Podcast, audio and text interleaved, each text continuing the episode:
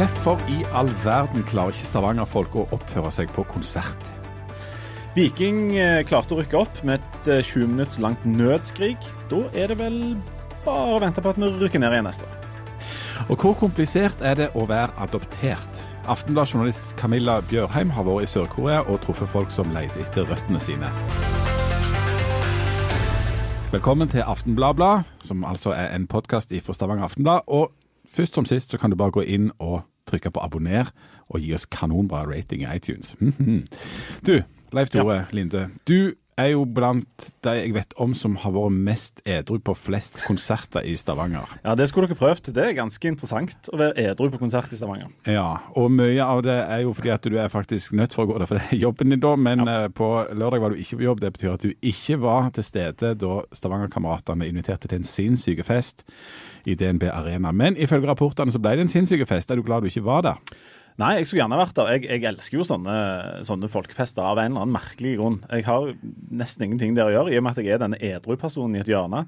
Uh, men jeg skulle gjerne vært der. Så, men jeg satt hjemme, og så plutselig begynte det å tikke inn uh, meldinger på telefonen om at det var forholdsvis god stemning der nede. Uh, kanskje litt for god stemning. Og folk som var veldig euforiske fordi de hadde det kjekt. Og så begynte de å ikke ha det så kjekt, for da begynte de å stenge barene. Ja, og vet, Har det skjedd noen gang før at de har rett og slett stengt serveringer fordi at folk er Ja, Du kan jo alltid si at det er god stemning, men folk er rett og slett altfor fulle, for det er jo det det går i. Nei, det har jeg aldri opplevd. Og det har vært ganske høy promille på ganske mange arrangement du har vært på. Ja, absolutt. F.eks. For eksempel på, på, på disse stadionkonsertene. Der er det jo alltid god gang. Der har jeg sett eh, damer i 60-år og gå løs på hverandre og, eh, og på en måte lygge hverandre og sånt. Eh, jeg, har sett, eh, jeg har sett politikere eh, Omfavne hverandre på tvers av Eh, partigrensene. Absolutt. Å ligge i en slags fosterstilling i, i, på vippen på DNB. Eh, jeg har snudd meg i konserthuset og kjefta på folk som eh, eh, som har ganske høye stillinger i samfunnet, som det heter. Altså, det, det er mye løye. Men jeg har aldri opplevd at barene har blitt stengt. Nei. Eh, det tror jeg første gang. Men, men eh, altså, det er jo en, en rar ting, for du skulle tro at en konsert var eksempel en plass der folk gikk for å høre på musikk. Men det er ikke alltid tilfellet nødvendigvis at det er det som er greia eh, her. Nei, eh, det, jo, det er jo de som er ute, og så er det de som er ute ute. Eh, og eh, særlig når det blir veldig mye folk, så er det ganske mange av de som er ute ute. Nå skal det sies at eh, i, eh, på denne konserten med Stavangerkameratene så er det litt ulike versjoner av hva det var som egentlig skjedde. Noen syns det, var, det sto greit til og gikk fint og sånt, mens andre syns det var et hareball. Eh, Men jeg tror nok at når arrangørene litt sånn i samarbeid med politiet bestemmer for å stenge ned, da har det vært ganske friskt. Og jeg leste um, det var en uttalelse fra han for skjenkekontrollen som sa at det var lurt at de hadde stengt før han kom til stedet. For hvis de ikke hadde gjort det, så hadde han stengt det. Og da hadde det blitt enda mer stengt. Ja. Eh, Det som er litt kjedelig med dette, syns jeg, er at um, Stavanger har hatt og har fremdeles et litt sånn dårlig rykte på seg på akkurat dette her. Eh, Noe av det er litt fortjent, noe av det er sikkert litt uh, ufortjent, men ryktet er som det er. At eh, her er det armer og bein og sånne folkefester som går litt over styr, og det er veldig, veldig synd. Men er det noe spesielt med Stavanger, eller er det liksom nordmenn eller folk i hele verden som er sånn som dette? Ja, jeg tror at hvis du Jeg tror ikke det er, jeg, tror ikke det er stille i, på, når det er haraball i, i Trøndelag eller i Bergen eller på, på Ustaos eller rundt omkring. eh, Men jeg, eh, jeg tror at det er Eller det som overrasker meg, det er at det er en det er litt for mange som er litt for mye ute ute i Stavanger og sånne sammenhenger. Eh, det er folk som ikke har noe problematisk forhold til verken å gå på konsert eller musikk, men de, de går, det er, blir én en enhet eller to eller tre for mye. Um, og det er Det ødelegger for ganske mange, sånn som her i, i DNB, så fører det jo til at de må stenge barene. Noe som jo førte til at en hel drøss med folk ifølge poli- politiet begynte å gå. Altså, Hvis de ikke fikk drikke, så gadd de ikke være på konsert. Ja, og det ødelegger for de som faktisk er der, og som, eh, som klarer dette her helt fint. Ja. Det er veldig synd, og så er det litt sånn respektløst overfor de som står og synger og sånt, at det, det, skal være, eh, det bare skal være fyring. Men det gjelder jo eh, det gjelder jo et mindretall, men det gjelder nok kanskje et litt for stort mindretall. Og vi har vært inne på før, vi har jo prøvd å finne ut av hvordan det kan ha seg dette her. Og, og en av teoriene har vært at det er mye sånn sponsorbilletter ute og går. Altså at folk får eh, bare billetter og så liksom går på en fest, men de er ikke nødvendigvis veldig interessert i det som foregår på scenen. Har det noe med det å gjøre, eller er det for enkelt? Nei, det kan ha Det har med snakking, med det der jabbet som òg har irritert oss over på konserter i Stavanger mange ganger, der har det spiller det inn. Ja, du, du, har vært på mange jazzkonserter der det høres ut som det er årsmøte i Prior. Det er ja, for det klukkes og kakles. Ja, og jeg har vært på mye annet rart òg. Vi var på First Aid Kit en gang, og der var det ikke noen sponsorbilletter, men der hørtes det òg ut som en sånn, en sånn hønsegård. Um, og det, noen ganger så går det så langt at publikum, altså at, at artistene ber publikum å være rolige. og da da syns jeg da begynner det å bli, bli litt flaut. Men det gjelder altså et mindretall, men de eh, ødelegger en del. Og de ødelegger ryktet til Stavanger, det er litt synd. Mm. Men her var det altså Stavangerkameratene, et ekstremt sånn folkekjært band, ikke nødvendigvis så kritikerost, som inviterer til en sinnssyk fest. Og det fikk de jo. De ja, fikk jo ja, de fikk det. barn. Og jeg tror det som en av de tingene som spiller inn her oppe, er at de eh, Det var ikke bare Stavangerkameratene, det var Leif-kompisene, og det var Altså, det var Dette gikk over litt lang tid. Og da ble det nok litt uh, mye for uh, noen. Ikke nødvendigvis for alle, men for noen. Uh, men det var mange som var der som klarte seg helt fint. blant annet Stig Nilsen, som er sportsleder i Aftenbladet. Du var òg på denne konserten. Du klarte deg veldig fint. Det gjorde jeg. Eh, og det var Jeg leste jo disse Jeg hadde en veldig rolig kveld, fordi at det var egentlig mer vi skulle ut og høre på musikk. og hadde med kona og skulle ta en rolig kveld eh, for å få et lite avbrekk i oppbyggingen til Vikingkampen dagen etterpå. Så vi tok det veldig rolig og hadde to enheter, som det heter. Og jeg leste jo anmeldelsen etterpå, og jeg, eh, jeg, kjente meg heller ikke igjen i de beskrivelsene. Nå sto jeg veldig langt bak eh, der det var god plass. og og jeg så jo at folk koste seg, og det var jo en fest. Og det er jo det, er jo det jeg føler når, når, det er sånne konserter, så går folk på fest. Ja. De går ikke der for å, for å nunne med liksom og leve seg inn i låtene. Det, det, er, en, det er en fest for dem. Men den største festen i helga, det, det, var på søndagen. Det må vi være enige om. Um, når Viking da, eh, etter et år i uh, denne forferdelige Obos-ligaen, faktisk rykker opp um, Når signalet gikk der dette var klart, klarte du å være 100 profesjonell journalist og bare tenke fag da, eller kjente du liksom på innsida at, uh, ja, det var noe spesielt? Det, det, tenkte jeg på når jeg kom hjem om kvelden. fordi at det, jeg tror aldri jeg har reist meg fra setet mitt noen gang. Uh, liksom, men det, når, når Tommy Høiland moste inn det 2-1-målet der 11 minutter før slutt, så reiste jeg meg og ropte ja. Og så tenkte jeg meg etterpå Men er det et problem? Altså, vi, må, vi, har jo følelser. Det er jo derfor vi driver på med dette. Det er derfor vi klarer, syns jeg, å formidle det på en bra måte. Fordi at vi har et engasjement og en lidenskap til dette. Og det skal jo vi prøve å gjenspeile til, til våre lesere igjen, både i sendinger og, og i artikler. Så, så, nei, jeg klarte ikke å holde meg eh, helt nøytral eller sånt. Jeg kjente på gleden, og det syns jeg vi skal få lov til. Du, har du, har du, jeg, jeg, må bare si noe sånn sjokkerende først.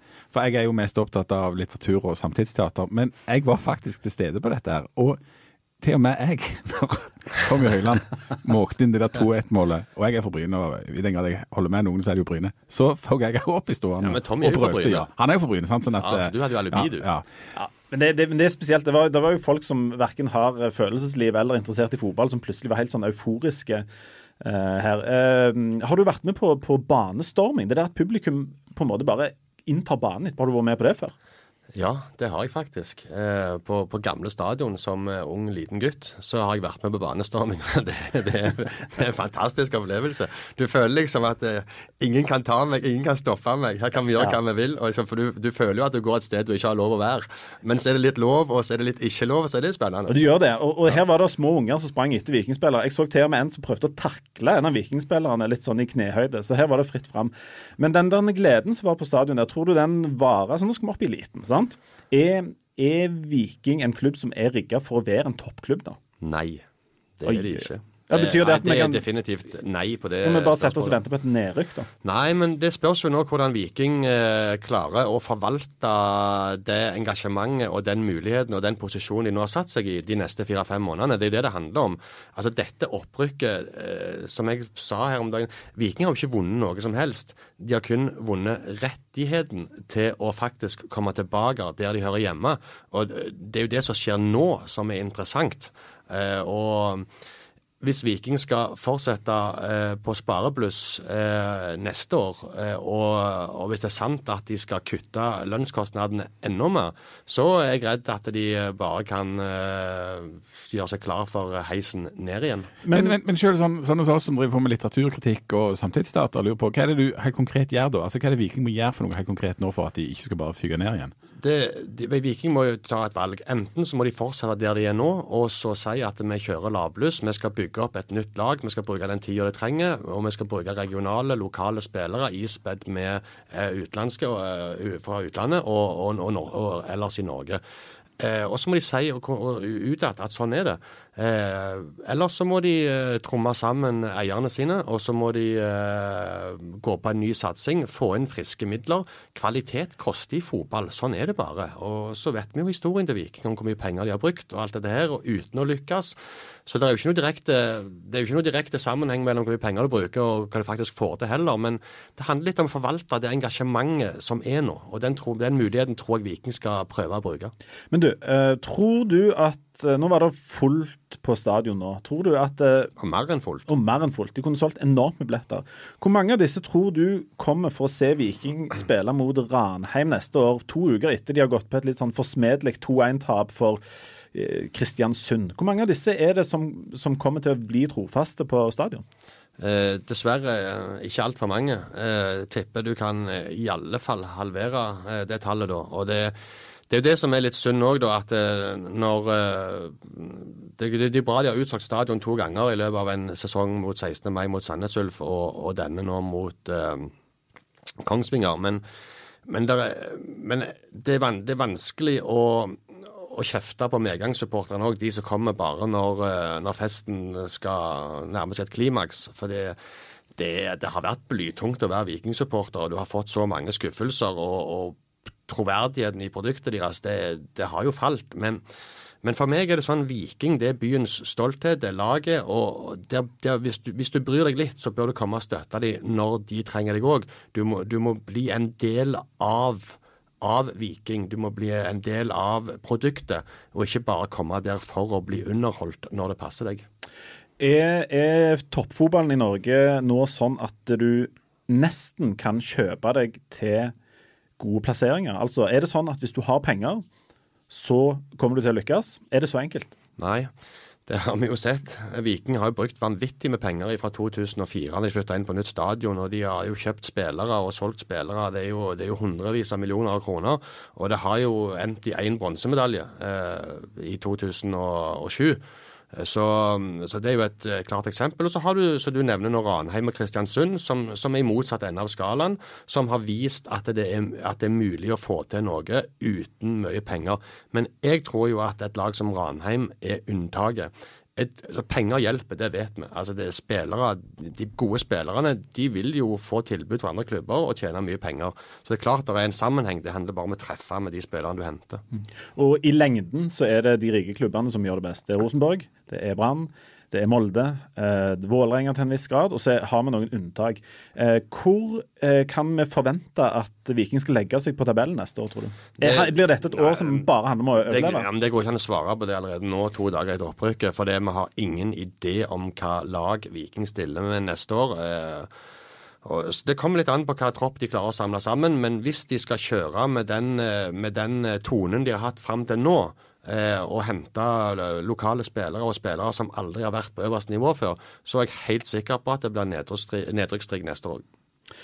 Hvem tror du trener Viking neste år? Er det Bjarne Berntsen? Han har jo uh... ja, Nå må jo ikke du stjele alle poengene som vi har tenkt å bruke i vår egen sportspodkast. Nei, jeg bare... Jo, ja, dere må forresten høre, høre podkasten til Stig og resten av sporten i Aftenbladet. Hvis, hvis, du virkelig vil ha mer om dette her, uh, så er det et, uh, et must. Men du, Bjarne Berntsen han har, fått, han har, fått, en vanvittig stilling nå. Altså, I og med at Viking rykter rett opp, så er han blitt en slags, slags gud. Er det, er det han som har redda Viking altså dette året her? Bjarne Berntsen har, om ikke det er han som alene redda dem, så har han iallfall spilt en veldig viktig rolle. Og jeg tror det var lurt av Viking å hente inn en I den situasjonen, gitt den situasjonen Viking var i, eh, så tror jeg det var lurt å hente inn en mann eh, som med hans rutine og hans følelser for klubben, som, som ikke kom til å utfordre dem for mye, ikke mase for mye, men gå inn og gjøre den jobben med å stabilisere eh, et avventende slagskip. Og den, den, jobben er nå gjort. Så er jo da spørsmålet som du sier, hva nå? Jeg har mine tanker om det. og, og som vi skal ta i den sportspodkasten. tror, tror, du at Viking klarer seg neste år? Som jeg svarte, at det er altfor tidlig å svare på. Jeg, jeg håper det, men, men det må fire-fem forsterkninger til. Det er jeg helt sikker på. Mm. Camilla Bjørheim, før disse her to forsvinner helt inn i nerderiet her. Um, meg og deg er jo ikke så hardt inne i fotball, men du, mens jeg da altså plutselig reiste meg opp der og var til stede som en god medgangssupporter med sponsorbillett, um, så hadde du et øyeblikk en plass på motorveien mellom Forus og Statoil. Fortell mm. om det på søndag. Mm. Nei, jeg var på vei til jobb, og så skulle jeg egentlig ta på en podkast i bilen. Men så var det denne Vikingkampen som alle hadde snakket sånn om, så jeg tenkte ja ja, jeg får vel ta på denne her kampen jeg òg, da. Og det var eh, midt inne i andre omgang. Um, og så det bare velta over meg et sånn voldsomt barndomsminne med den fotballyden og det der bruset fra stadion. Det er noe helt spesielt når du hører den der folkemassen den der, som jeg husker fra når far så på tippekampen da jeg var liten. Og så når uh, Tommy Høiland skårte, da, så presste det faktisk litt på, altså. Rett og slett. Hadde jeg vært på stadion, hadde jeg sikkert reist meg. Men, men du ble rørt? Jeg ble rett og slett rørt. Mm. Har, har, du, har, du, har, du, har, du, blitt det av fotball før? Aldri. Aldri? Nei. Det er nydelig. Det er nydelig. Du, um, er, er dette her, du skrev bl.a. at du tror det er litt sånn erfaring som fotballmamma som gjør at du liksom, at den følelsen kom. Um, er det, du har ikke kjent sånn når ungene har spilt, at uh, du har blitt rørt av det? Ikke på den måten som dette, men det, jeg, jeg, kjenner jo at jeg kan bli engasjert når ungene mine spiller fotball. Så jeg tror jo Jeg forstår jo at voksne folk kan uh, grine på stadion.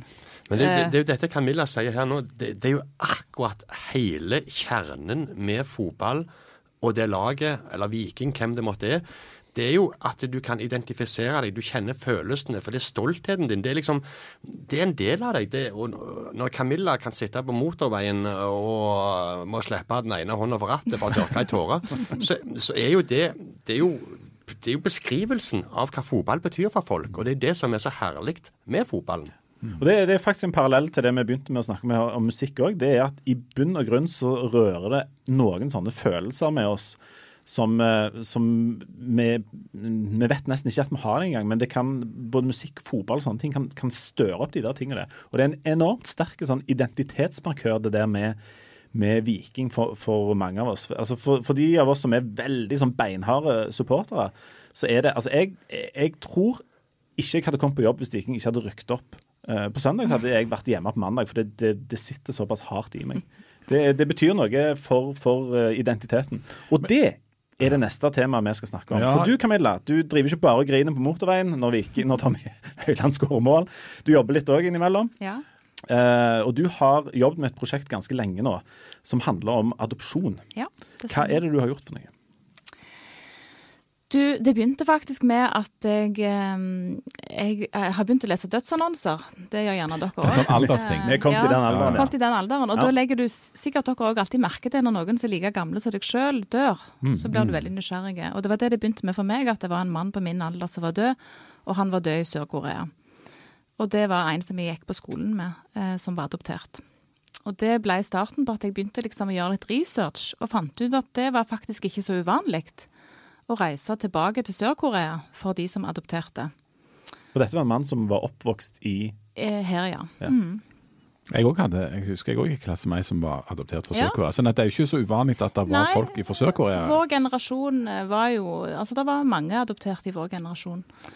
Men, men hva, hva, begynt, hva, var det du begynte å nøste i der, da? Hva var det du tenkte at du leita etter? Jeg ble jo nysgjerrig på hvorfor han hadde reist tilbake. Ja. Uh, for det har ikke jeg hørt om før, at det var ei greie. Um, og, og, fant du det ut? Altså Er det han dette handler om? For det, dette skal bli en serie som ja. starter nå på lørdag til mm. helga. Et stort gaveprosjekt som du har jobbet med lang tid, som folk må lese. Som jeg har lest første del av, som er veldig bra.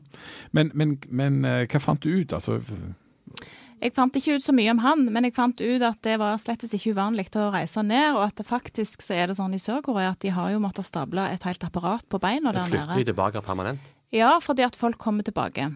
Eh, noen bor der eh, i bosetter seg, andre kommer ned i perioder og leter etter biologiske foreldre, eller vil bare være der fordi at de vil være en plass der de ligner de andre, og bli kjent med landet de kom fra, prøve å forstå hvorfor dette landet har sendt de vekk.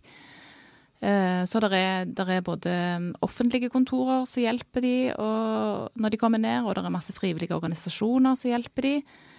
Og der er disse byråene da, som en gang sendte de ut. De sitter jo i den ene bygningen og fortsatt sender ut barn til adopsjon. Og så på andre sida av gata, der tar de imot de voksne som nå kommer tilbake. Hvorfor begynte Korea å adop- adoptere så mye, og hvorfor har de fortsatt med det? Ja, det starta rett etter Koreakrigen. Da var det jo en del amerikanere der nede som hadde eh, satt barn på en del koreanske damer. Og dette samfunnet var jo veldig rasistisk, så disse blandingsbarna de eh, var det ikke så mange som hadde lyst til å ta seg av. Så de ble De, de ville man jo sende til USA. Og da var det et eh, ektepar i USA som på en måte bana vei for adopsjon. Og i første omgang så var det disse blandingsbarna, og så var det òg Det var jo mye nød og fattigdom etter krigene. Og det fortsatte jo i mange tiår at det var, at var fattig. Og, og det var på en måte en del av velferdstankegangen, at vi sender de ut til en, til en bedre verden, til bedre muligheter. Men så har det da fortsatt eh, utover 80-tallet, og da, hadde, da arrangerte jo eh, Sør-Korea OL. Og da kom jo Vestens sportsjournalister ned, og andre journalister òg, og så wow, dette landet er jo tipp topp. Her var det jo flott, og de hadde jo fått en enorm økonomi, og folk begynte å stille spørsmål med hvorfor fortsetter dere å sende ut ungene. Ja, for Det er en naturlig ting å spørre. altså Et land som er gått ifra å være fattig og har veldig vanskelige forhold, som, som jo kommer som en rakett på den tida, mm. og blir Um, ganske rikt sånn jevnt over. Det blir et um, Hvorfor fortsetter de med adopsjon? Jeg skulle tro at det slutter. For adopsjon, når jeg tenker på det, så tenker jeg at det skal være en veldig altså den i utgangspunktet en veldig sånn positive ting. At vi på en måte som har mye ressurser, hjelper de som har lite ressurser, og hjelper unger eh, med å få et godt liv. Eh, men eh, det som ligger litt i bånn der, det er jo at det må være vanskelig der de kom ifra. Men sånn, eh, noe må jo ha skjedd i Korea etter hvert som velstanden økte. Velstand har nok økt mye raskere enn eh, Altså mye fortere enn det kulturen har endra seg, da.